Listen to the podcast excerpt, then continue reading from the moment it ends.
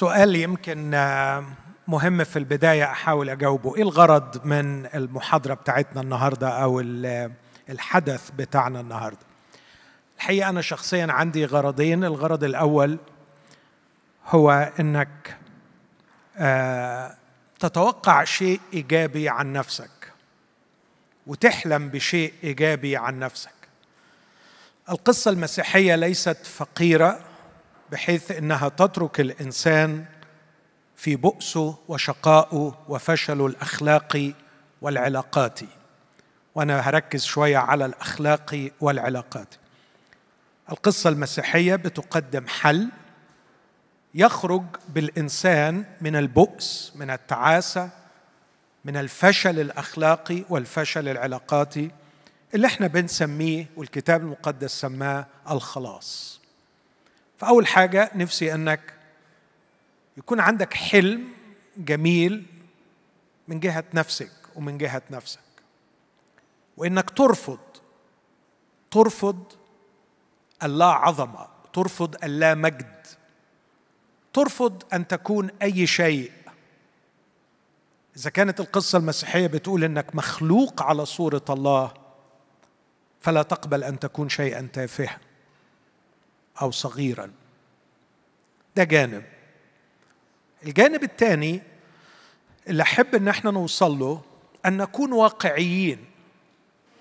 وإحنا بنشوف الفساد والفشل اللي فينا. لأنه ده حقيقي موجود. بس ما نتخضش منه. وما نسيبهوش. ويكون لنا موقف ضده. والعجيب والجميل أن القصة المسيحية تقدم تفسير لهذا الجانب البشع السيء اللي فينا وتقدم لنا طريق الخلاص منه. أعتقد أنه زي ما بنقول في المثل الشعبي إذا عرف السبب بطل العجب. إذا قدرنا أو إذا قدرت القصة المسيحية أن تقدم لنا تشخيص جيد من أين هذه البشاعة من أين هذا الفشل من أين هذا الفساد أعتقد إذا حطينا إيدينا على السبب من الممكن إن إحنا نصل إلى العلاج. فدول الغرضين اللي أتمنى إنه اللي قدمه يوسف في البداية واللي هقدمه يكونوا بيحققوهم. في حياة كل واحدة وكل واحد فينا. أن تفخر بكونك إنسان وأن تحلم عاليا وترجو عاليا لك كإنسان ومن الجانب الثاني أنك تكون واقعيا في مواجهة الفشل الأخلاقي والعلاقاتي اللي بنشوفه في نفسنا ونعرف سببه فنقدر نواجهه. خلوني أبدأ بأنه اللي قاله يوسف سواء في استعراضه للعالم القديم الفلسفات القديمة أو في استعراضه للفلسفة الإلحادية الجديدة بشقيها المتفائل والمتشائم يجعلنا أمام ظاهرة معقدة جدا اسمها الإنسان. يعني في الآخر هنسأل السؤال هو الإنسان عظيم ولا بشع؟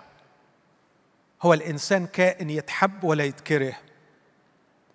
وأعتقد إنه الإجابة على السؤال ده مش سهلة لأن إحنا بنشوف في الحياة كم رائع من قصص التضحية من قصص الحب من قصص الإبداع من قصص الجمال من قصص النبل والوفاء.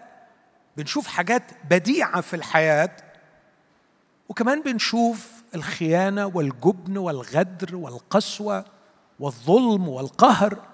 بنشوف الاثنين يا ترى كيف نفهم هذه الظاهرة؟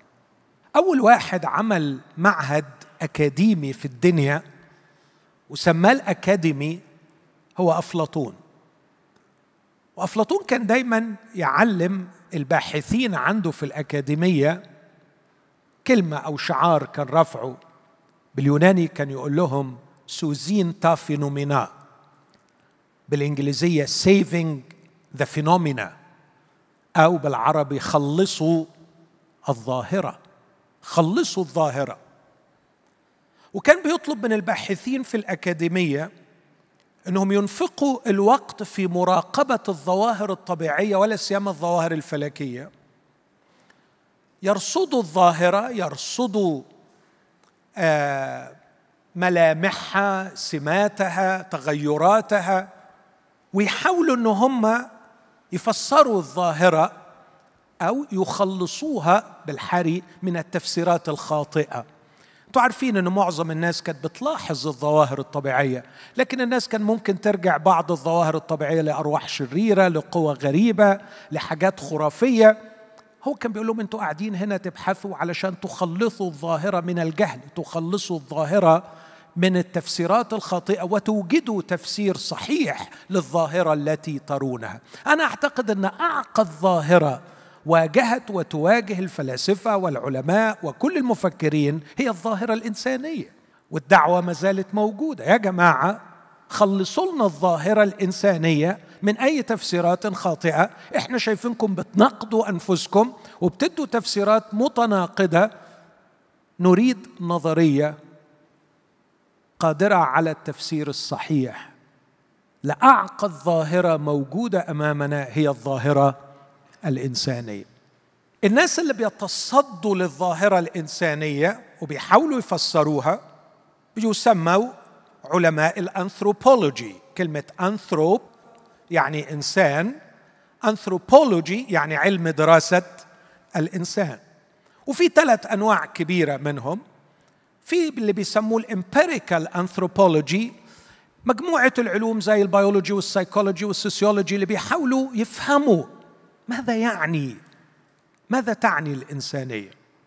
لكن في ال philosophical anthropology وده تاريخ الفلسفة كله بيجاوب على سؤال تاني من هو الإنسان؟ لكن اللي إحنا بنقدمه كمسيحيين هو اللي بنسميه theological anthropology علم الإنسان من منظور إلهي من منظور مسيحي. والحقيقة للأسف الشديد ده العلم المرفوض. النهارده في عصرنا يريدون تفسير الظاهرة الإنسانية بعد استبعاد الله من القصة. واللي أنا هقدمه إن هذا مستحيل. من المستحيل أن تصل إلى نظرية. أي نظرية على فكرة تقاس قوتها ومتانتها بقدرتها التفسيرية. من المستحيل الوصول إلى نظرية لها قدرة تفسيرية عالية. من جهة الظاهرة الإنسانية إذا استبعدت الله من القصة. نحتاج إلى الله. في يوم من الأيام في ناقد أدبي روسي مشهور اسمه بيلينسكي. قعد على مائدة الطعام مع واحد من أشهر الأدباء الروس اسمه إيفان تورجينيف. وكان إيفان من أعظم الأدباء الروس زيه زي تولستوي وزي دوستوفسكي من الكبار جدا. وابتدى الحوار عن وجود الله. وبعدين إيفان ابتدى ياكل. فبغضب شديد ودي قصة حقيقية. بغضب شديد الناقد بلينسكي خطف منه الأكل وصرخ فيه وقال له نحن لم نحسم بعد قضية الإله وأنت تريد أن تأكل. لم نحسم بعد قضية الإله وأنت تريد أن تأكل. استغرب قوي إن عنده نفس إنه هو ياكل. ومستعد إنه ياكل. وإحنا لسه ما حسبناش قضية الإله. أنا بشجع كل واحد بيسمعني إنه ياخد الموضوع بجدية هؤلاء الناس. علينا أن نفكر هل يمكن فعلا تفسير صحيح للظاهرة الإنسانية؟ بعد استبعاد الله من القصة. في نهاية القرن التاسع عشر نادى نيتشه بموت الله. في نهاية القرن العشرين نادى فوكو ميشيل فوكو بموت الإنسان. وده كان محتم. عندما وضع الأساس موت الله كان لابد من الوصول إلى موت الإنسان. أكتفي بهذا. وأدخل بسرعة إلى كيف تفسر القصة المسيحية الظاهرة الإنسانية بكل تعقيداتها. القصة المسيحية وأنا ال الوقت اللي جاي هركز فيه على نقطتين تخليص الظاهرة الإنسانية وتخليص الإنسان أو خلاص الإنسان. بعد ما نخلص الظاهرة بأن نشرحها ونفسرها بنظرية لها قدرة تفسيرية عالية وهذا ما ازعمه في القصة المسيحية إنها تقدم شرح أقوى من أي نظرية أخرى للظاهرة الإنسانية. يعني تفهم نفسك أكثر بعدين أتكلم عن خلاص الإنسان على يد يسوع المسيح. كيف تنظر القصة المسيحية لهذا التناقض البشع في الإنسان؟ اولا تنظر إليه باتزان كبير وغريب ولا أعتقد أن هناك نظرية أخرى تدانيها في هذا الاتزان. لما تقرأ الكتاب المقدس أو تركز بس على تعاليم يسوع المسيح هتلاقي حاجة غريبة جدا أن يسوع المسيح يرى الإنسان في مجد غير عادي للدرجة إنه ما عندوش مانع أن ينحني ويغسل أقدام الإنسان. وفي نفس الوقت هو نفس الشخص اللي يقول يا جماعة ليس ما يدخل الإنسان هو الذي ينجسه لكن ما يخرج من الإنسان هو الذي ينجسه. الإنسان مصدر النجاسة. ممكن تفهمني هذا؟ إزاي أنت بتنحني تغسل اقدام على فكرة الإنسان ليس من أجل السبت لكن السبت من أجل الإنسان. كيف ترتقي بالإنسان حتى تجعله هو غاية الوصية؟ والوصية صنعت من أجله ليس هو الذي خلق من أجل الوصية. كيف ترتقي بالإنسان حتى تجعل نفسك خادما له؟ فتقول بصراحة ابن الإنسان لم يأتي ليخدم بل ليخدم ويبذل نفسه فدية عن كثيرين. كيف تحببنا فيه وتعظمه في عيوننا؟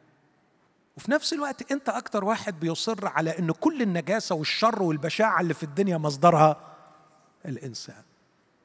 لو تفتكروا معايا مرقص سبعة والرب بيجادل الفريسين وبيقول لهم إن النجاسة بتيجي من الإنسان يقول لهم لأنه من الداخل من قلوب الناس تخرج أفكار شريرة فسق زنا قتل عهارة عين شريرة تجديف سرقة طمع خبث مكر. هذه هي الأمور التي تخرج من الإنسان. لن تجد قصة تدور كلها حول هذا المخلوق الغالي جدا الذي يكلف الله بذل حياته من أجله في نفس الوقت لن تجد قصة أخرى تكشف لك كم الخراب والفساد الموجود في قلب الإنسان زي القصة المسيحية. وهنا نصبح ملزمين كمسيحيين أن نقدم تفسير لهذا التناقض الرهيب الذي يلحظه الآخرون ويحاولوا أن يؤلفوا نظرية تفسره لكن من وجهة نظرنا نظرياتهم ضعيفة وعاجزة عن التفسير. النظرية أو القصة المسيحية بتقدم التفسير في كلمتين. الكلمة الأولى اللي سمعناها وشفناها لما يوسف طرحها لنا الإيماجو داي العظمة كلها والسمو كله في هذا الكائن المتميز المتميز عن حتى الملائكة المتميز عن الحيوانات هو بسبب الكلمة الرهيبة دي اللي جاية في أول صفحة في الكتاب المقدس تكوين واحد ستة وعشرين وسبعة وعشرين من وجهة نظري أهم عددين في الكتاب المقدس يقوم عليهم الكتاب المقدس كله. الخلق على صورة الله وشبهه. إيماجو دي ودي هشرحها شوية والكلمة الثانية اللي بتفسر الجانب الآخر هو تكوين ثلاثة قصة السقوط وهركزها في كلمة بالإنجليزية ال autonomy. أو الإدارة الذاتية للإنسان. imago Dei autonomy ما تنسوش الكلمتين دول. الخلق على الصورة الإلهية ثم الإدارة الذاتية. إدارة الإنسان الذاتية لنفسه.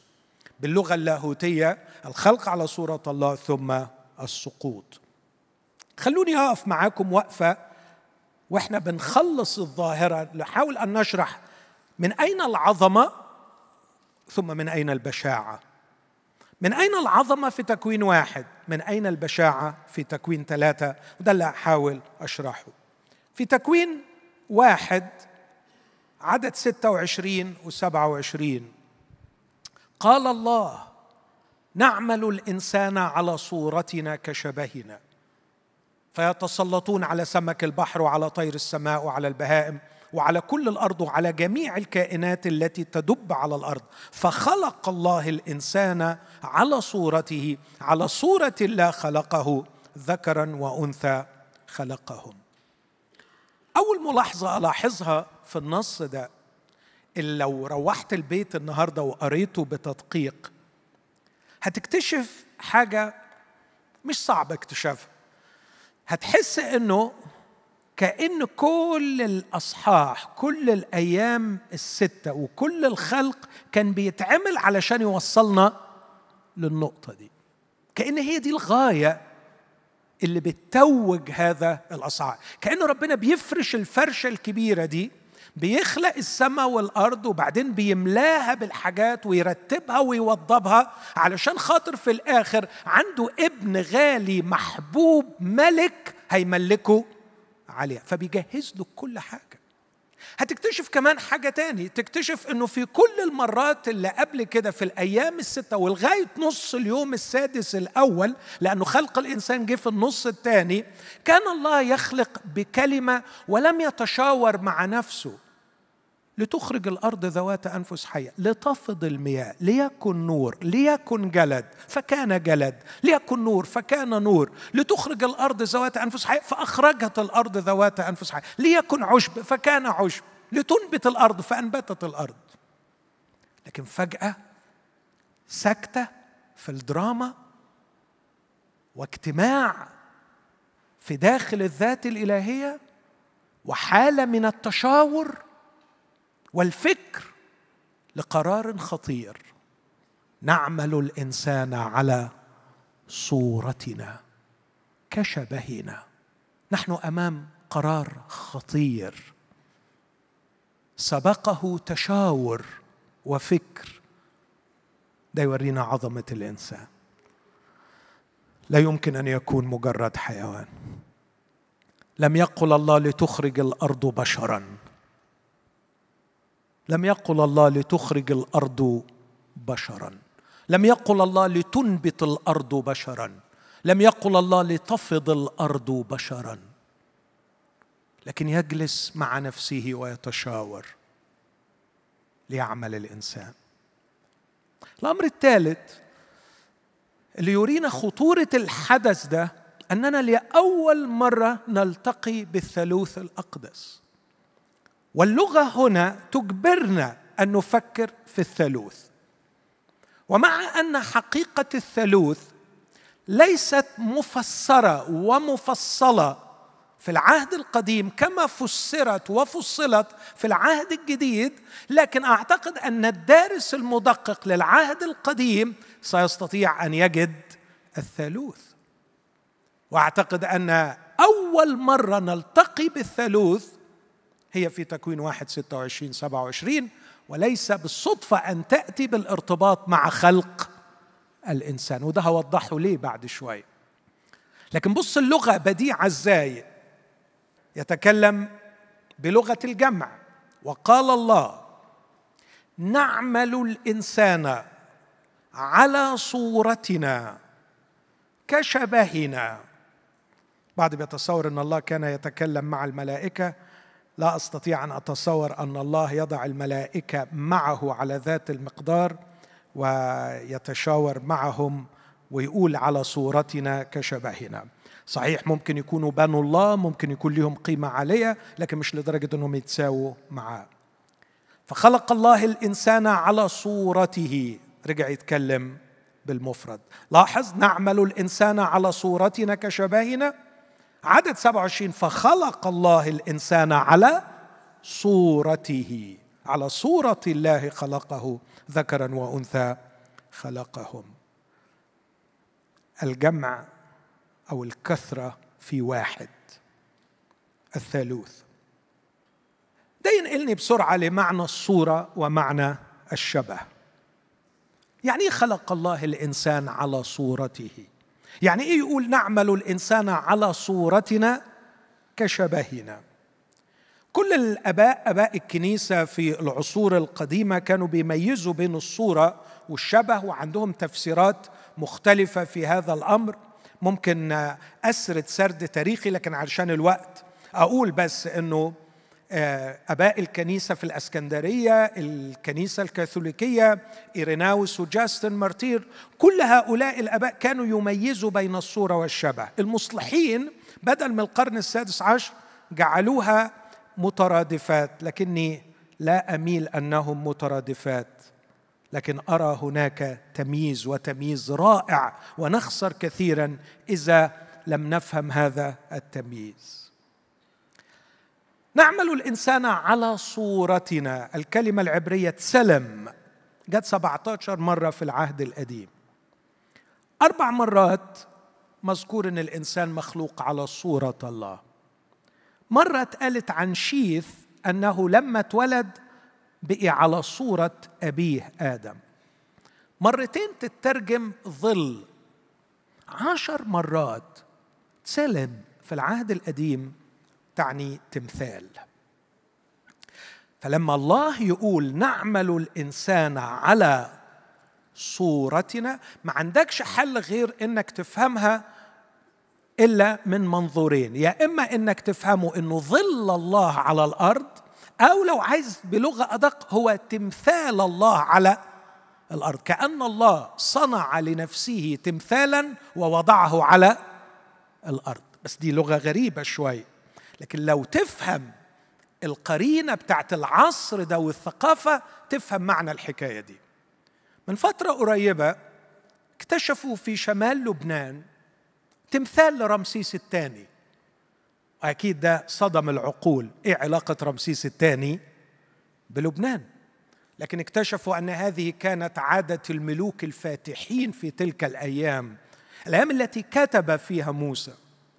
عندما كان ملك عظيم يستطيع أن يستولي على أرض معينة أو يفتح بلد معينة يأتي على مدخل البلد ويضع تمثاله. وكأنه يقول إن هذه المنطقة تنتمي لي. عندما يضع الله الإنسان على الأرض كان يريد أن يعلن أنه سينشر ملكه. وهنفسر يعني إيه ملكه بعد شوية. سينشر ملكه وسيادته على كوكب الأرض لكن الشيء البديع والجميل إنه ما قررش ينشر هذا بنفسه ما قررش ينشر هذا من خلال ملائكته لكن قرر إنه ينشر مجده وملكه على الأرض من خلال هذا الكائن. ولم يجعله صنما لكن جعله كائنا حيا مبدعا متحركا محبا مفكرا حرا. وقال له أكثر واثمر خلف. انت my image وطلع imagers منك. طلع منك على صورتي كتير يملوا الأرض وينشروا فيها. خيري ومجدي. البعض يعتقد وأنا أميل إلى صحة هذا الاعتقاد أن الرب لما غرس جنة عدن كانت هي محضر الله وعندنا أدلة على كده. فالرب كان يتمشى مع آدم في جنة عدن. ولما قايين اطرد يقول خرج من لدن الرب. ولما آدم أخطأ أخرجه الرب من جنة عدن. كانت جنة عدن هي الأقداس. هي محضر الرب.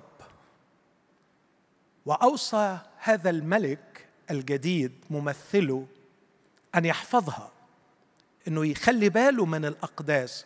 لكن البعض يعتقد وأنا أميل لصحة هذا الاعتقاد إنه كان عايزه يخلي الأرض كلها أقداس الرب. كأنه يقول له شايف النموذج؟ اثمر وأكثر واملأ مش الجنة لكن املأ.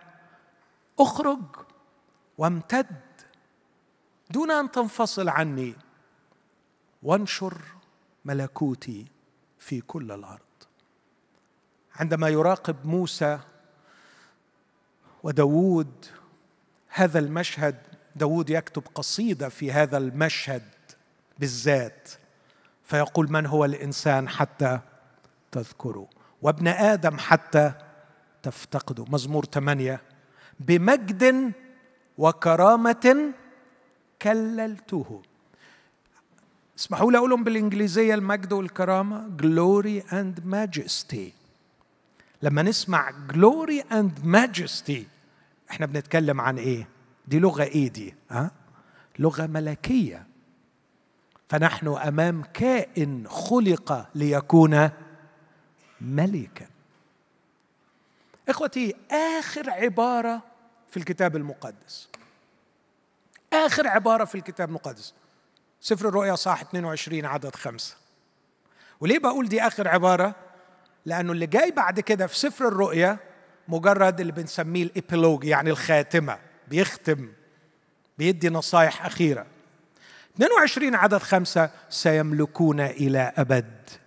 الآبدين اسمه يكون على جباههم وسيملكون إلى أبد الآبدين. إذا تكوين واحد واثنين بيقول إن الإنسان ملك. رؤية واحد وعشرين واثنين وعشرين بيقول إن الإنسان ملك. خلق لكي يكون ملكا. هذا معنى الصورة. ممثل الله الحي ممثل هو كائن حي ممثل لله الحي. يحمل حضوره في الأرض وينشر ملكه ويحقق مشيئة الله في الأرض. ده معنى الصورة. لكن كمان بيقول نعمل الإنسان على صورتنا كشبهنا. أنا بعمل إيه دلوقتي علشان أتأكد أنكم معايا؟ بخلص الظاهرة. ما هي الظاهرة؟ ظاهرة هذا التناقض بين عظمة الإنسان وبشاعته فأنا بحاول أشرح من وجهة النظر المسيحية ما هي سر عظمة الإنسان وما هو سر بشاعة الإنسان. أنا دلوقتي في أنهي حتة فيهم؟ في عظمة الإنسان. بيقول نعمل الإنسان على صورتنا كشبهنا فيتسلطون. إيه بقى حكاية الشبه؟ الشبه الكلمة العبرية ديموت وهذه الكلمة جاءت في العهد القديم 26 مرة. ودائما في ال 26 مرة بعد ما مريت عليهم واحدة واحدة تعني التشابه في التركيب التشابه في الصفات أو في الشكل. وأعتقد إن دي كلمة خطيرة لأنه ما بيقولش نعمل وهنا حروف الجر مهمة في العبري ما بيقولش نعمل الإنسان كصورتنا لكن على صورتنا لكن لما بيجي عند الشبه يقول نعمل الإنسان على صورتنا كشبهنا ولو رجعت شوية لفوق وتشوف الحيوانات يقول إنه الحيوانات دي ك أجناسها كأجناسها كأجناسها. بس جه عند الإنسان يقول مش كجنسه لكن كشبهنا. إنه متشابه مع الله في الكينونة بتاعته. دي حاجة في الأنتولوجي الأنتولوجي لما بنقول كلمة أنتولوجي the kind of being نوع الكينونة التي لهذا الكائن. يعني لو قلت البنك اللي إحنا قاعدين عليه ده أو الدكة دي إيه نوع الكينونة بتاعتها؟ أقول خشب. يعني أقول نبات ليها. kind of being إيه نوع الكينونة بتاعتها؟ ما أقدرش أقول ده فكرة. ما أقدرش أقول ده آه يعني آه نظرية. ما أقدرش أقول ده لوح. لا ده في نوع من الكيان. ما هو نوع الكيان الإنساني؟ مشابه لكيان الله. أكيد ما هوش إله لكن مشابه للإله. هنا أجي للنقطة اللي كنت بقولها في البداية. إحنا محتاجين نبدأ بالله علشان نعرف نعرف الإنسان.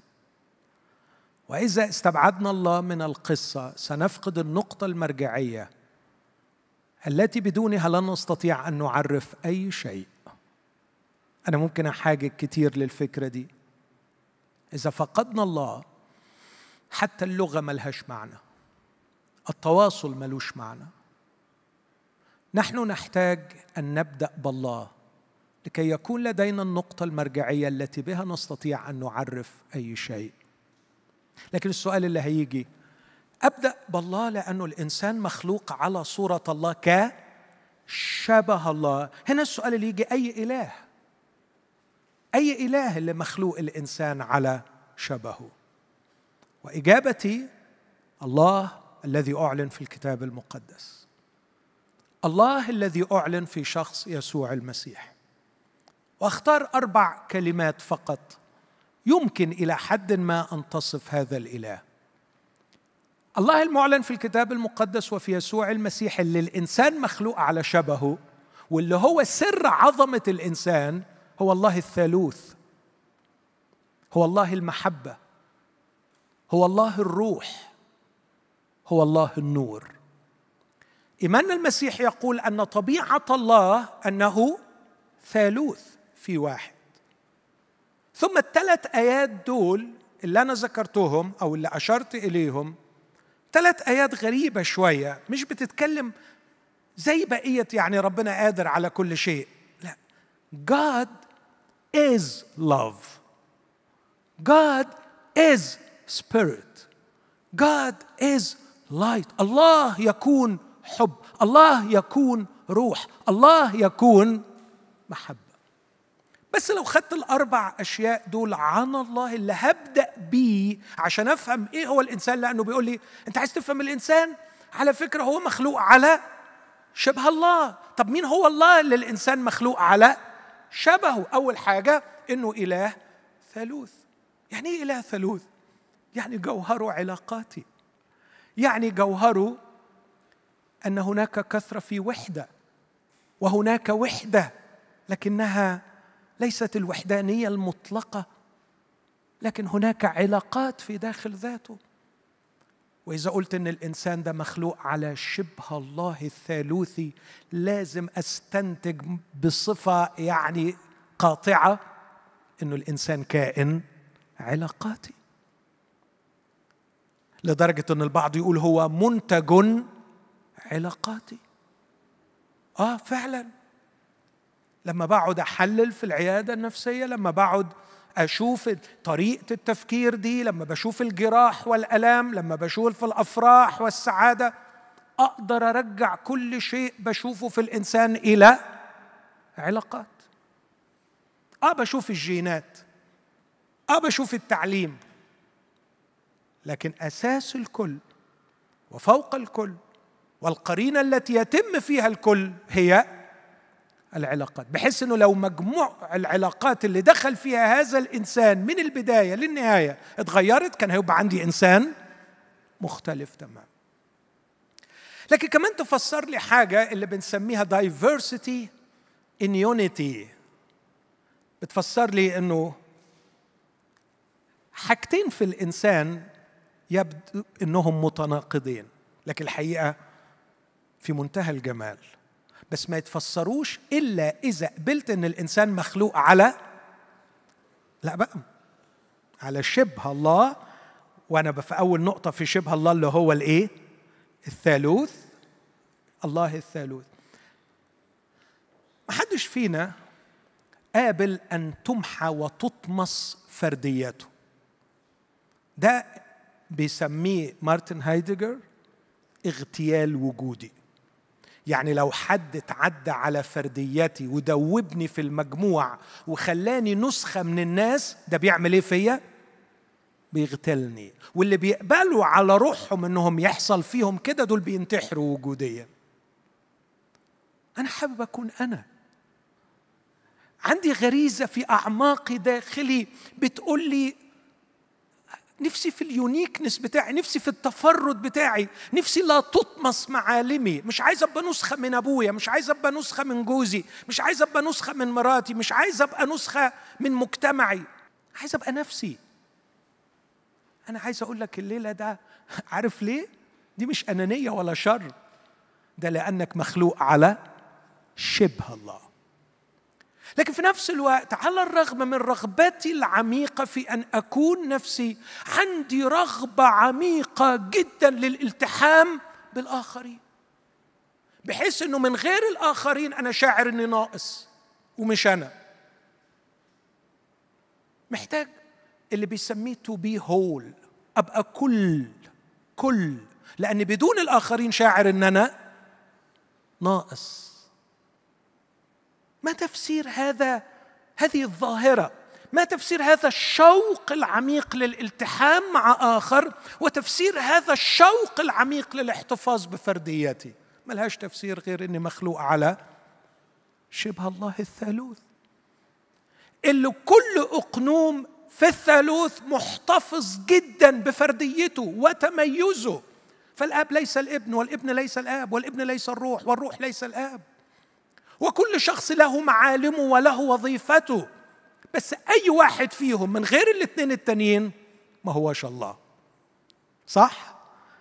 الابن بدون الاب ما هوش الله. الروح بدون الاب والابن ما هوش الله. الاب والابن بدون الروح ما هماش الله. هذه الظاهرة المعقدة في النفس البشرية. لا يشرحها إلا أنه مخلوق على شبه الله الثالوث. الأمر الثاني من هو الله؟ يسوع المسيح يقول للمرأة السامرية في يوحنا أربعة الله روح. الله روح. ما معنى روح؟ هوى صح كده؟ أحيانا كده بنصور أن الروح يعني هوى كده. لا على فكرة الروح كيان. أبالغ شوية أقول ليه شكل. ليه شكل؟ ومش بعيد أبدا يكون لي ملمس. ومش بعيد أبدا يكون لي وزن. بس طبقا لأبعاد أخرى في عالم آخر إحنا ما نعرفش عنه حاجة. أعتقد أن الكتاب كان صادقا أن لعازر يتعزى في حضن إبراهيم. مش كده؟ طب لو هم سابوا أجسادهم هنا صح؟ ولا خدوها معاهم؟ في الحالة المتوسطة هم عبارة عن أرواح. لو قلت إن الروح ده يعني هوى فسر لي بقى يعني إيه هوى في حضن هوى يعني؟ ويعني إيه هوى بيتعزى من هوى يعني ولا؟ وإزاي يعرفوا بعض؟ أنا أعتقد إن إحنا مساكين نحاول أن نفهم العالم الروحي بلغتنا في عالمنا المادي. لكني مؤمن كل الإيمان. الإيمان الذي كان عند أليشع قال له يا رب افتح عيني الغلام. هقول كلمة بس ركزوا معايا لأن هقولها غلط. فرأى الجبل مملوءا شيء كأنه مركبات وشيء كأنه خيل وخيل كأنها من نار. قال كده؟ لا رأى الجبل مملوء مركبات وخيل من نار. هناك في العالم الروحي وجود انطولوجي في كيانات موجودة حقيقية تلمس لكن ليست لها الأبعاد والطرق التي نلمس بها الأشياء في عالمنا المادي فأرجوكم ما تتصوروش أن العالم الروحي زي ما تصوروا أفلاطون إنه عالم الأيديز والصور. ده تفسير أفلاطوني. لكن العالم الروحي عالم حقيقي بل إنه أكثر واقعية وأكثر حقيقية من العالم الذي نحن فيه. وله أبعاد ممكن تكون عشر أبعاد خمستاشر بعد ما نعرفش. وأنا أعتقد أننا نحن في داخل هذا العالم الروحي. مش فكرة إن إحنا هننتقل إليه لما نروح. إحنا جواه. بس هيجي لحظة علينا نكتسب شيئا جديدا. يسقط هذا السور الذي يحرمنا من رؤية هذا العالم والتعايش معه. وعندما نلبس الجسد الجديد سيكون قادر على التواجد روحيا وماديا في هذا العالم الجديد والبديع. العالم الروحي في أجساد ولا ما فيهوش أجساد؟ يسوع المسيح ذهب إلى العالم الروحي بإيه؟ بجسد. مش بعيد العالم الروحي يكون فيه أكل. أنا مش بخرف. تقول لي بس أصل لو هيبقى فيه أكل لازم يكون في مجاري. أقول لك لأنك برضو بتفكر بالأبعاد بتاعت عالمنا وبالمنهج بتاع عالمنا. اللي عايز أقوله أن العالم الروحي عالم واقعي. الإنسان روح وليس مجرد جسد. وأتمنى إن ده يخلينا نفكر في روحنا إن إحنا كائنات مخلوقة على شبه الله يعني إحنا كائنات إيه؟ روحية. يعني إيه كائنات روحية؟ يعني كائنات تنتمي لعالم روحي عالم آخر. طب وده يفسر حاجة؟ فسر حاجات كتير قوي فسر ما قاله المسيح ليس بالخبز وحده يحيا الإنسان بل بكل كلمة تخرج من فم الله. يفسر شيء مثلا قاله لنا سي إس لويس جميل لما بيقول إن كانت لا توجد خبرة في هذا العالم تستطيع إشباع أعمق أعماقي. فهذا ليس له إلا تفسير واحد أني أنتمي لعالم آخر. علينا أن نفهم هذا أننا ننتمي لعالم آخر. وعندما أرى أن كل الخبرات الإنسانية التي اجتاز فيها من أشياء حلمت بيها وتحققت. سي إس لويس يقول أحلام رهيبة عن الحب أحلام رهيبة عن السفر لبلد آخر أحلام رهيبة عن حاجة تدرسها وأشواق. يقول بس الغريب جدا إنك لما بتحقق الحاجات دي ما بتحسش بأي إشباع. فبيقول إن التفسير هو أنه إذا كانت لا توجد خبرة مهما كانت إيجابية وجميلة وصحيحة لا تستطيع إشباع أعمق احتياجاتي فهذا ليس له إلا تفسير وحيد أني أنتمي لعالم آخر. الله روح وأنا كائن روحي. هذا يفسر الكثير في عظمة الإنسان وفي معاناته في هذا العالم. المعاناة الراقية أنه يتطلع إلى شيء أكثر من الخبرات التي تقدمها الأرض ويقدمها هذا العالم. لكن أيضا لاحظ قوة هذه العبارة الله محبة.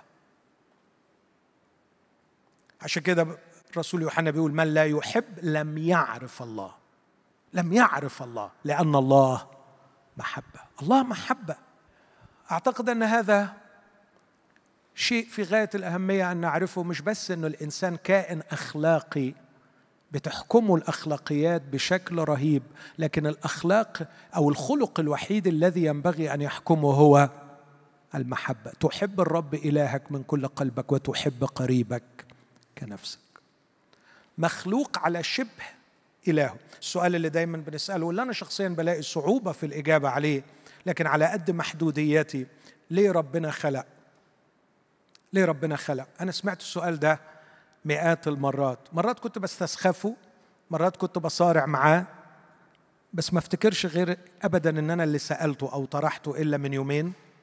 كنت راكب مع مراتي وهي اللي سايقة وشايف الدعكة بتاعت الناس والمرور والغبا والظلم والقهر وشايف الفقر في عين الناس وشايف المرض وشايف التعب. بصيت لها كده قلت لها ما تعرفيش ليه ربنا خلق الخليقة دي؟ هو ليه ربنا خلق؟ قالت لي يا غلبي أنت اللي بتسألني دلوقتي طب أنا هروح فين دلوقتي؟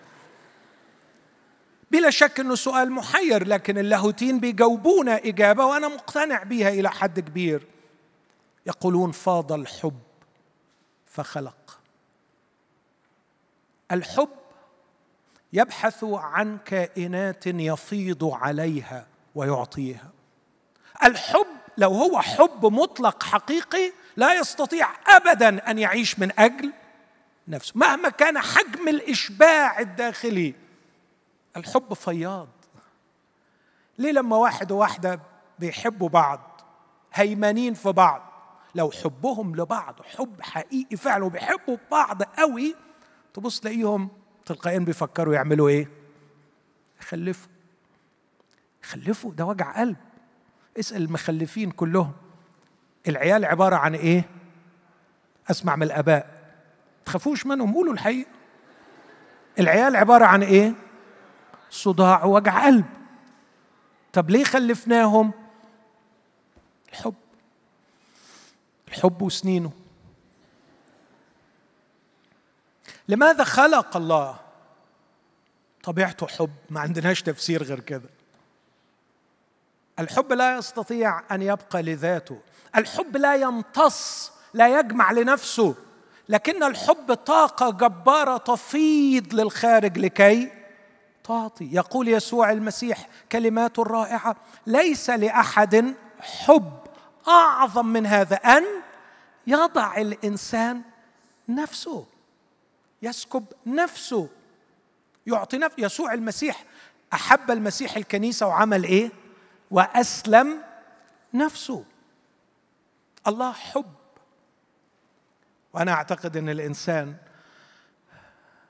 لا يشعر بالمعنى في الحياة. طول ما هو عمال ياخد.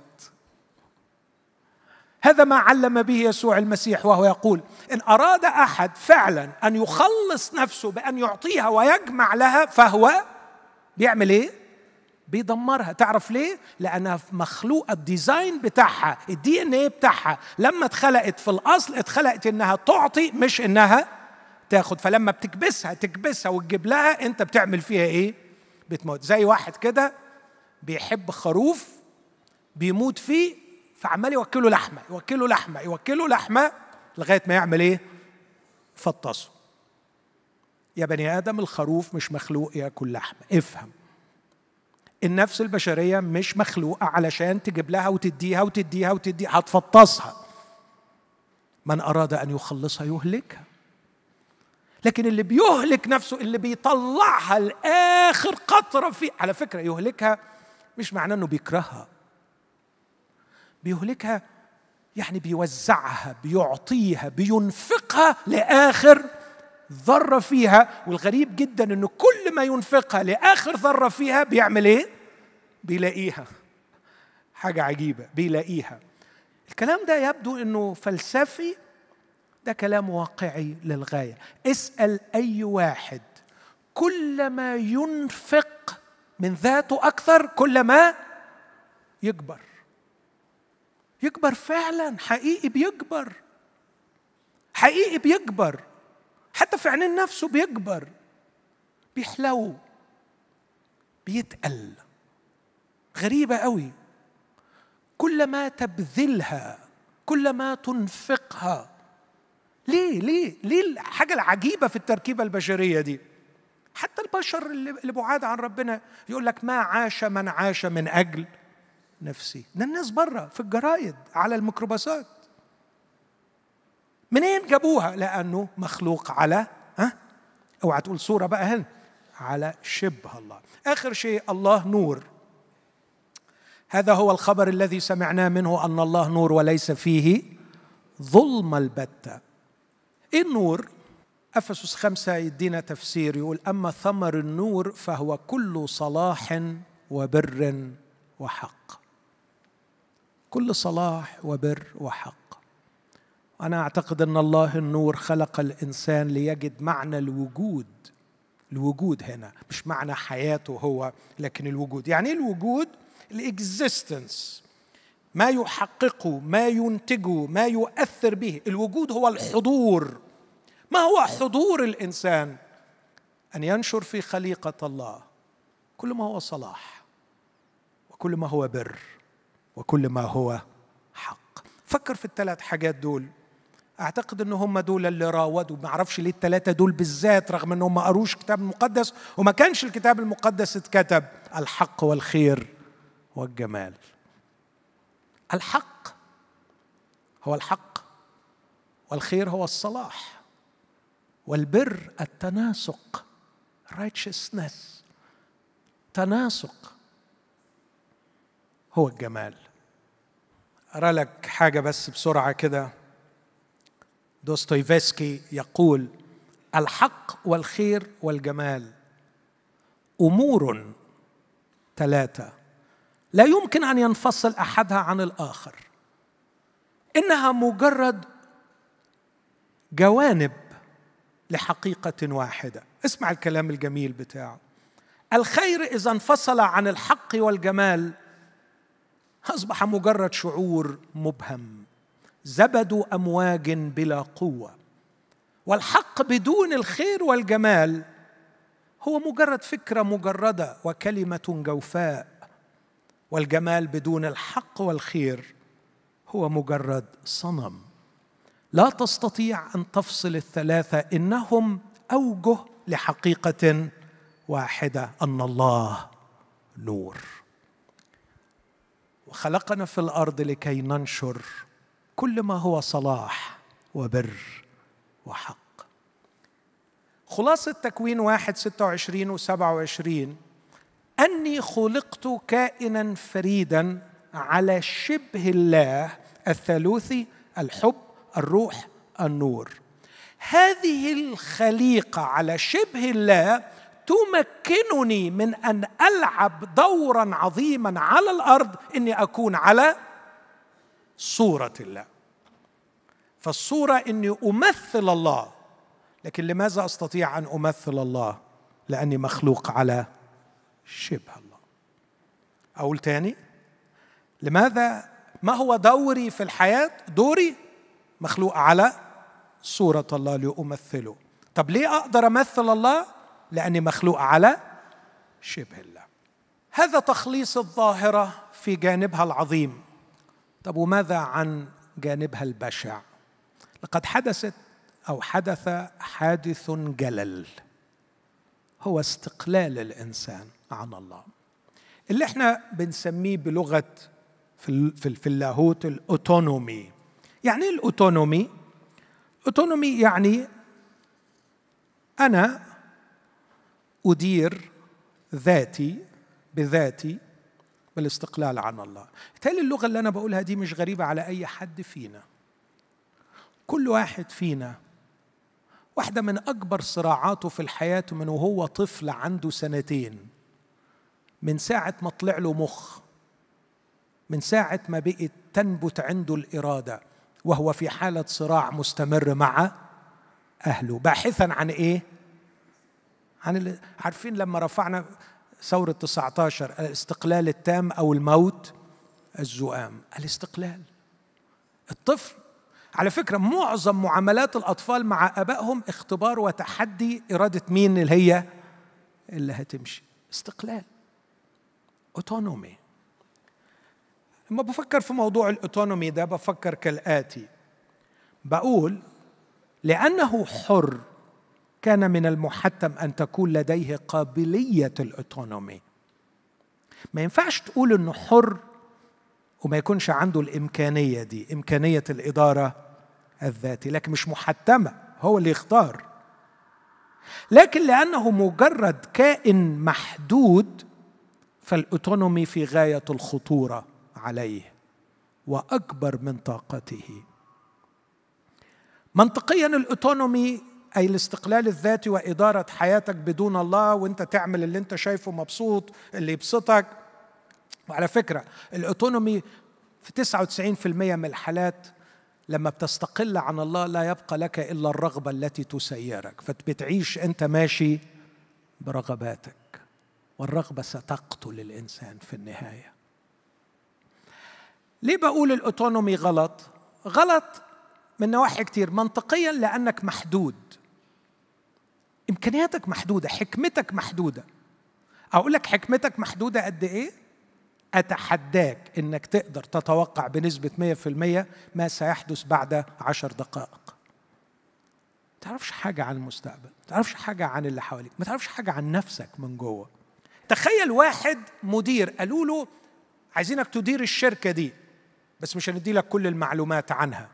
مش عارف يديرها لكي أدير ينبغي أن أحصل على كل المعلومات. أنا ليس لدي كل المعلومات عن نفسي وعن من حولي. فالأوتونومي أكبر مني. ما أقدرش منطقيا الأوتونومي خطر علي.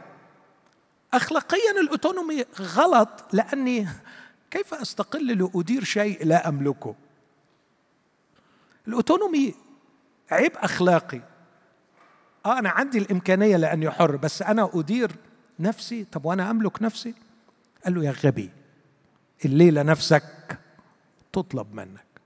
أنا لا أملك الأرض ولا أملك نفسي. ال autonomy ما ينفعش. عمليا ال autonomy ما ينفعش لأنك مش لوحدك. طب ما أنت لو هتبقى autonomous يعني أو آه هتبقى كده مع نفسك طب ما اللي جنبك من حقه برضه إن هو يبقى autonomous برضه. واللي جنبك autonomous واللي بعده autonomous كلنا هنعمل إيه في بعض؟ هنخبط في بعض وده اللي حاصل.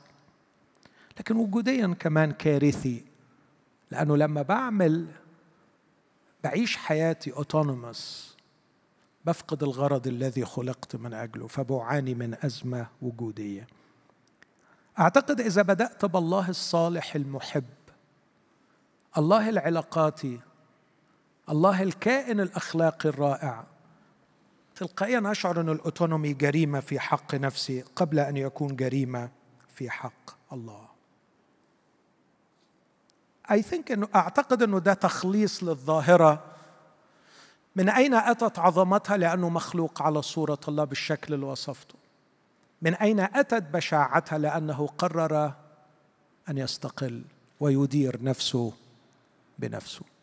وبعد أن استقلينا وأدرنا أنفسنا بأنفسنا اسمعوني في النقطة اللي جاية في دقيقتين. وصلنا إلى حالة لا نستطيع فيها أن نخلص أنفسنا. لقد تشوهنا للدرجة التي معها لا نستطيع أن نستعيد الصورة ولا حتى نعرف شكلها.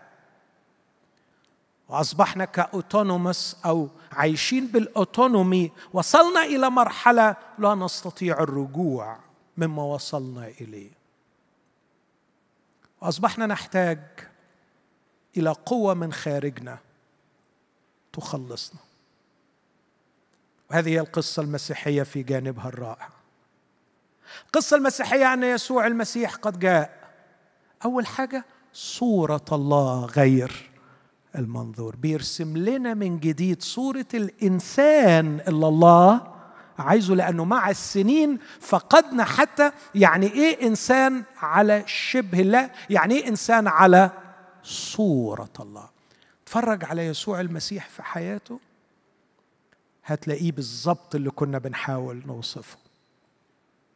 لكن الأمر الثاني يسوع المسيح مات على الصليب. وصارع القوى الشريرة التي تسحقنا لأنه في النص بس ما عنديش وقت أقول لما اخترنا الأوتونومي ما بقيناش الحقيقة أوتونومس 100% لأنه اكتشفنا إن في قوة روحية في هذا العالم أقوى مننا اصطادتنا. فبقينا مستقلين عن إلهنا ومش عارفين ندور نفسينا لأن في قوة سيطرت علينا. جاء يسوع المسيح. أعطانا صورة الإنسان. مات على الصليب ليقهر هذه القوة ويصالحنا مع الله. وقام من الأموات ليهبنا نوع حياة جديدة بعمل معجزي غريب وعظيم يقدمه لكل إنسان.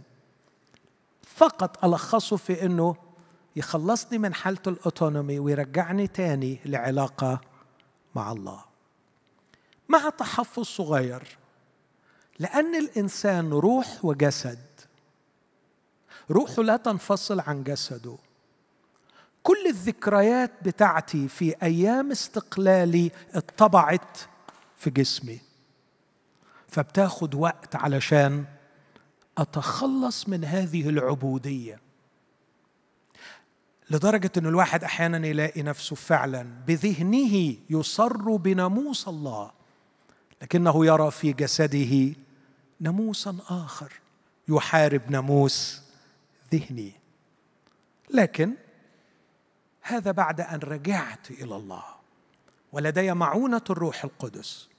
ولدي شركة المؤمنين. وأستطيع أن أجاهد جهادا مقدسا. وأستطيع أن أعيش في الأعمال الصالحة التي سبق الله فأعدها لي لكي أسلك فيها. أجد نفسي تحدث لي عملية ال restoration استعادة الصورة. يرد نفسي. واستعادة الغرض الذي خلقت من أجله. فيستعيد الشبه أولا وكمان يستعيد ال function يستعيد الدور. قصة الخلاص في يسوع المسيح التي نقدمها باستمرار ونحن نكرز بالإنجيل أن المسيح مستعد يستعيد لك الشبه. اللي اتخلقت عليه ويستعيد لك الدور اللي اتخلقت من أجله. يستعيد لك الشبه اللي اتخلقت عليه ويستعيد لك الدور اللي اتخلقت من أجله. مخلص وراعي. وعلشان كده كلمته الشهيرة جدا اللي بيوجهها لكل واحد فينا تعالى. تعالى. بس مش تعالى خد. تعالى اتبعني. follow me تعالى شيل النير وامشي معايا. كتير من اللي بيحضروا الفرص الكرازية بيتصوروا أن الدعوة المسيحية. أقف! افتح إيدك! خد وروح! لا. الدعوة للخلاص لاستعادة الشبه واستعادة الصورة والخلاص من المأزق الإنساني الرهيب. تعالى اتبعني.